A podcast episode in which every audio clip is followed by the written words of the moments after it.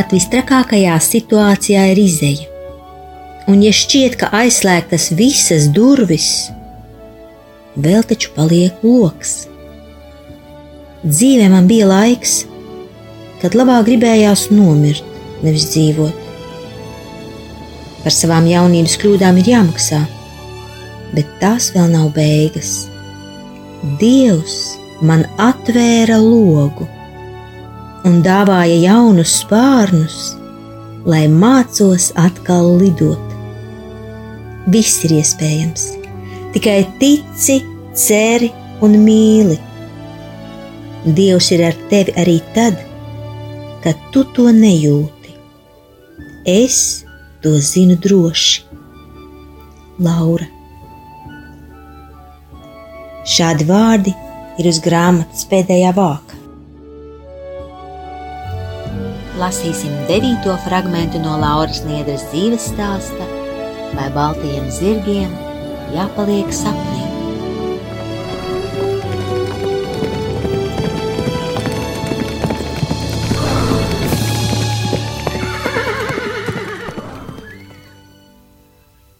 Gatim atkal esot jābrauc uz Krieviju.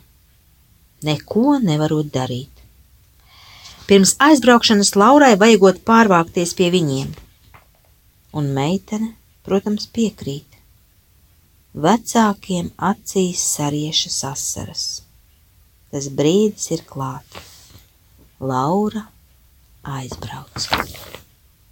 Viņa paņem līdzi savu mīļoto papardi, savu skolas galdu un balonus, kas vēl saglabājušies no Elīzes dzimšanas dienas, tad samīļo savus vecākus un iekāpj mašīnā. Ir nedaudz dīvaina sajūta. Mammas asaras aizkustinājušas arī Lauras sirdi, lai gan meitene aizbrauc labprāt. Bet nu viņai sāksies jauna dzīve. Laura tagad būs saimniece svešā mājā un māmiņa diviem bērniem, kā arī dzīvos kopā ar vīra māti. Tas viss meiteni nedaudz biedē, bet arī vilina.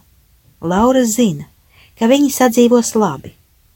Jaunajās mājās Laura iebrauc pašā vakarā.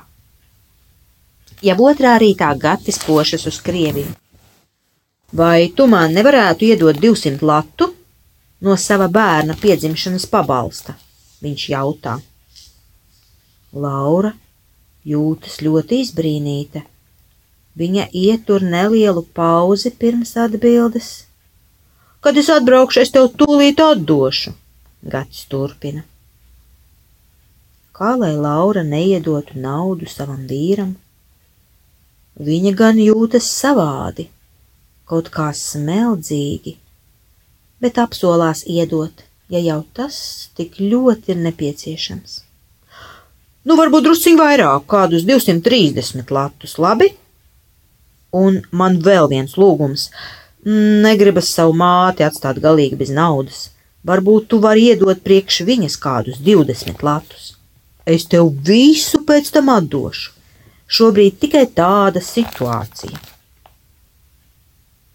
Laura jūtas ļoti riebīgi. Ne jau tāpēc, ka viņai būtu žēl, bet tomēr ir tāda dīvaina sajūta, it kā viņa būtu izmantota. Nu, nekas. Viņai taču paliek vēl simts lati. Meitene jūtas gandrīz vai bagāta, gan jau spēs uzturēt jauno ģimeni, kamēr vīrs būs Krievijā. Gatis ir prom. Tas varbūt pat ir labi, jo Laurai būs laiks mierīgi iejusties jaunajā vietā, sarast ar vīra māti, iemācīties saimniekot un kļūt veiklākai zīdaiņu kopējai vismaz nebūs jādomā par sievas pienākumiem, un viņai būs vairāk laika veltīt savu uzmanību Jančukam, kurš tikko uzsācis pirmklasnieka gaitas. Laura ir apmierināta ar dzīvi. Jau pirmajā dienā viņi abi ar Janci dodas uz veikalu iepirkties. Puisēns ir izbrīnījies, ka Laura pērk sieru un pienu un pārslas un medu Tas viņam ir neizsakāms kārums un retums. Laura apsola, ka no šīs dienas viņš varēs dzert pienu cik tik tīk, un ka vienmēr mājās būs siers, un ka uz galda stāvēs medus un keloks pārslas, kuras varēs ēst, cik tik gribas. Šīs vienkāršās lietas Jāni bez gala ielīgsmo. Laura pat klusībā pie sevis nobrīnās, kā tā var būt, ka bērns tik ļoti priecājas par sieru un pienu. Gatis taču nav nekāds nabaks. Viņš braukā pa pasauli, tirgojas ar mašīnām un nevar nopirkt savam bērnam veselīgus produktus. Lai nu kā, bet no šī brīža Jānim nekā netrūks. Par to Laura parūpēsies. Jānis nav pieradis saņemt mīlestību.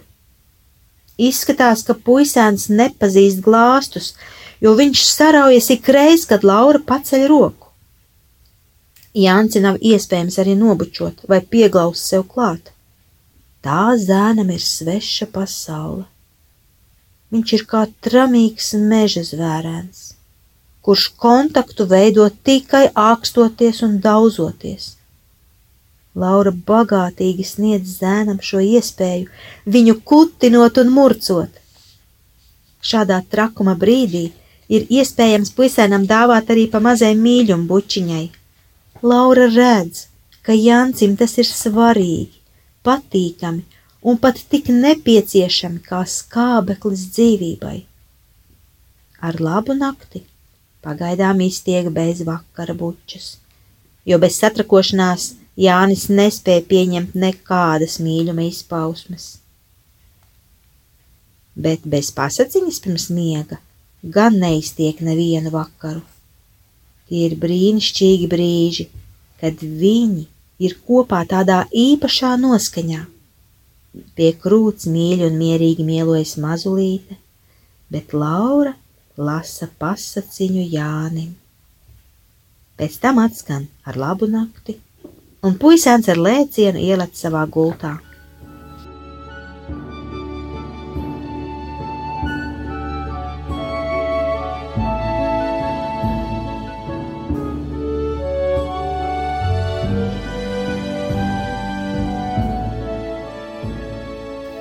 Bez Jāņķa nevar notikt nekas. Viņš ir klāt, kad Laura gatavo, kad Laura vanno mazuli, kad Laura viņu ģērbj un mīdzina. Zēns ir ne tikai klāt, bet viņš arī palīdz, cik spēj, un tas puisēnam sagādā patiesu prieku. Vienu vakaru Laura piedzīvo negaidītu pārsteigumu. Viņi jau ir atvadījušies, un Jānis ieskrējis savā istabā, kad pēkšņi puisēns atkal parādās pie istabas durvīm un kaunīgi smaidīdams saka: Bet pučiņu Laura sirds gavilē. Jāņa aizsarga vaļņi ir sabrukuši, slāva dievam, un Jancis iekrīt siltos mīļos Lauras apkampienos. Šis puisēns ir lielisks, palīgs, sirsnīgs, labestīgs, mīlīgs. Kad Laura ir sanarvozējusies nenomierināmā mazuļa dēļ, vadību pārņem Jancis Viņš pieiet pie ratiņiem un draiskulīgi mīļā balsī sauc: Tev buču par maz, tev buču par maz! Laurai no šī mīļuma sanāk smiekli, un sirdī paliek tik silti. Un atkal rodas spēks iet dzīvē uz priekšu. 28. oktobris, 11.10. Ai, meitiņ, kā tu jau proti smaidīt. Tu smaidi visiem cilvēkiem, kas pie tevis pienāk un tevi uzrunā. Tev tik labi iznāk. Kaut tu paliktu tāda smaidoša būtne arī turpmākajos gados. Tu zini, ka smaids sasilda apkārtējos sirdis, dziedina noskumušos un novārgušos, pārvērš drūmos un kašķīgos mācies Elžuk izmantot savu smaidu apkārtējiem par svētību. Visvairāk Laurai patīk klusās nakts barošanas stundas. Tāds miers, tāds mīļums, tāds klusums. Vispār zīdīšana Laurai šķiet pats brīnumainākais un skaistākais piedzīvojums pasaulē. Vairs nav sāpēs jāsamiedz acis, tā ka zvaigznīte sāk rādīties ir tikai nevienam neaptverama divvientulība, pasakaina vienotība, māte un bērns. Siltums, maigums, piena smarža, mātes sirds pie tavas sirds, nakts un klusums tumsā zvaigznes kaut kur tālu, tālu mirts. Tālu paliks bērnu dienas, tālu, tālu mātes krūts. Tikai vienmēr būs pie tevis, priekos, bēdās, mātes sirds.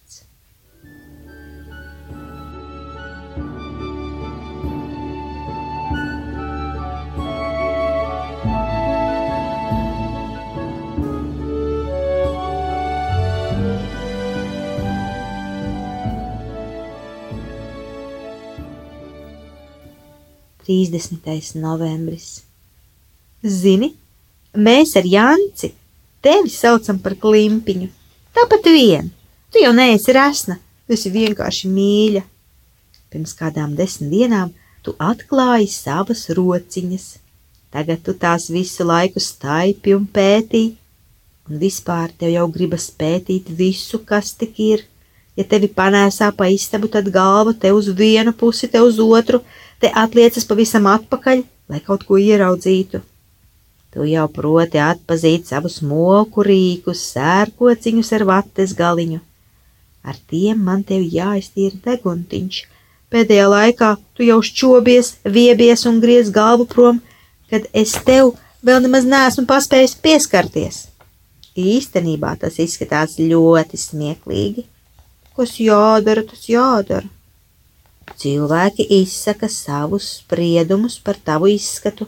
Daži tevi ieraudzījuši sajūsmā sauc, nu, izlieta mamma, bet citi tikpat pārliecināti saka, nu, izspļauts gatis tev tajos ratiņos guļ.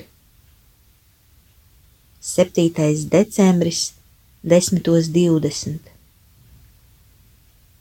Nu, plikpaurēnā bezzobainā vecenīte! 1. decembrī bijām pie ārsta. Es sūdzējos, ka tu maz ēd, un tev izrakstīja vitamīnus ar dzelzi. Man negaršo, briesmīgi skābi, bet Jancim garšo, viņš to vien dara, kā diedelē tavus vitamīnus. Es domāju, ka tev nekas nebūtu pretī atdot Jancim visus savus vitamīnus, jo tev tās laikam ir mocības Tu sataisi tādu ģīmīti, ka tur vienkārši vārdu trūkst. Es vienmēr saucu kādu skatīties, kā tu ēd vitamīnus, un tad mēs smejamies pilnā kaklā. 4. decembrī tu izdarīji lielu sasniegumu. Pirmo reizi pati apēlies no vēdera uz muguras. Nu jau! Par to zina gandrīz visa pasaule.